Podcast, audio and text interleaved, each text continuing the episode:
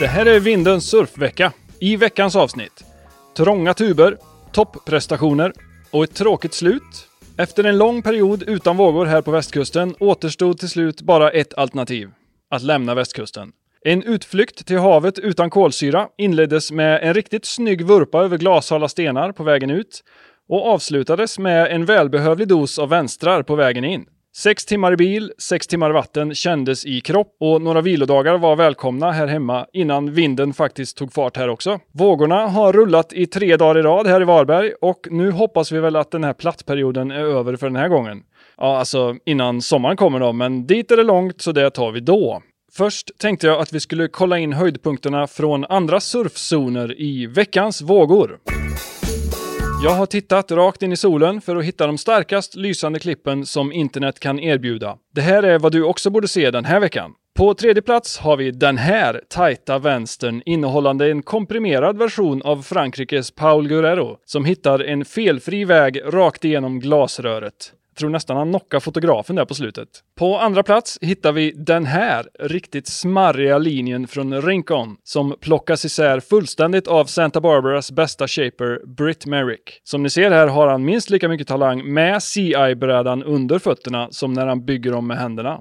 På veckans första plats hittar vi faktiskt Sverige. Det är nämligen det här megatåget med Kian Martin som enda passagerare i ett reklamklipp för en brädmodell från tidigare nämnda Merrick. Heja Sverige! Vi har en liten bubblare också. Det är den här tomma torktumlaren från Rio de Janeiro. Brasilienstoppet på touren är ingen personlig favorit, men det här klippet fick i alla fall mig att längta lite efter Sakarema. Okej, okay, från Rio till rotation. Det har blivit dags för veckans vax.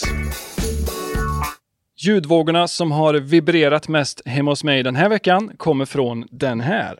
One Moment in Time, soundtracket till sommar-OS 1988 i Sydkorea. Om du är på väg ut för en surf och behöver hitta rätt fokus och komma i stämning för att prestera på topp, då tycker jag du ska dra på första spåret här som är Star Wars-kompositören John Williams gåshudiga Olympic Spirit. Den går så här.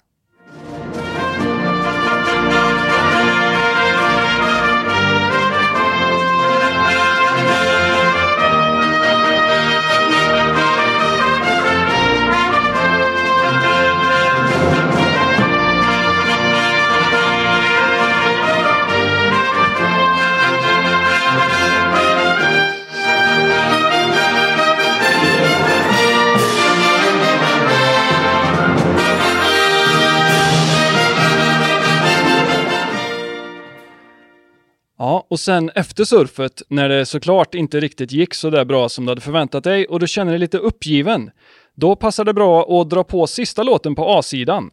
Eric Carmens mäktiga comeback anthem Reason to Try. Den går så här.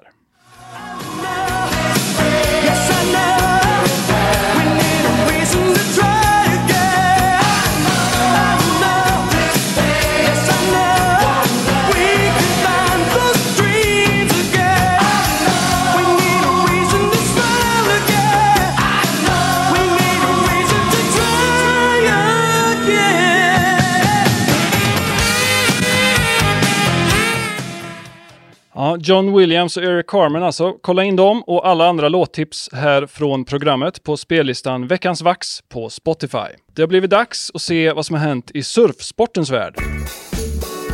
Lagom till det femte stoppet på VSL-kalendern fanns det äntligen lite större vågor att kämpa om. Även om den bästa dagen på The Box och Main Break såklart råkade infinna sig precis ett dygn innan vänteperioden för Western Australia Margaret River Pro startade. Tävlingens stora utropstecken var lokala jokern Bronte McCulley som dundrade fram hela vägen till semifinal och slog ut bland annat ettarankade Molly Picklum på vägen.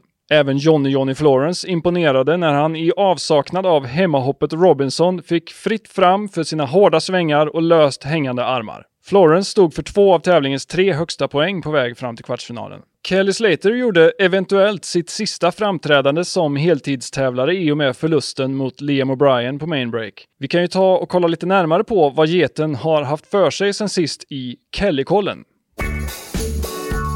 Vi tittar in i kikaren och börjar några veckor bakåt när Kelly passade på att provsurfa konkurrenten Urban Surfs pool i Melbourne. Slater bjöd på låtsasurf på hög nivå och vi kan ju hoppas att VSL ger ett wildcard till Kelly när turnén snart stannar i hans badkar i Kalifornien. Mer låtsasurf bjöds sen bakom Hollywoods bästa surfare Chris Hemsworths båt längs Jarrafloden där Kelly matade fem backside-svängar och tre små chop-hops. Efter besvikelsen på Bells återvände Slater sen till Gold Coast och ett av sina många hem för att fightas med 300 andra om en tub någonstans mellan Snapper Rocks och Kira. Den lokala svärmen av surfare ger knappast bort något gratis och till och med Kelly fick nog kämpa för att hitta en väg in i den här lilla grottan. Tuberna var till och med så tajta den här dagen att inte ens Slater fick en för sig själv. Här fick han dela rum med ingen mindre än Mark Okelupo.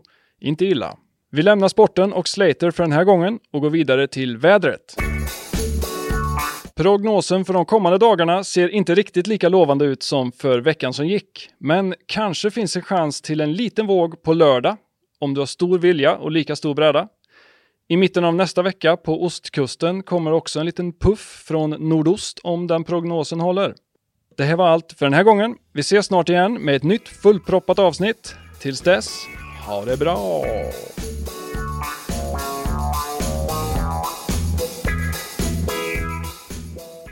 Den lokala svärmen av snurf... surfare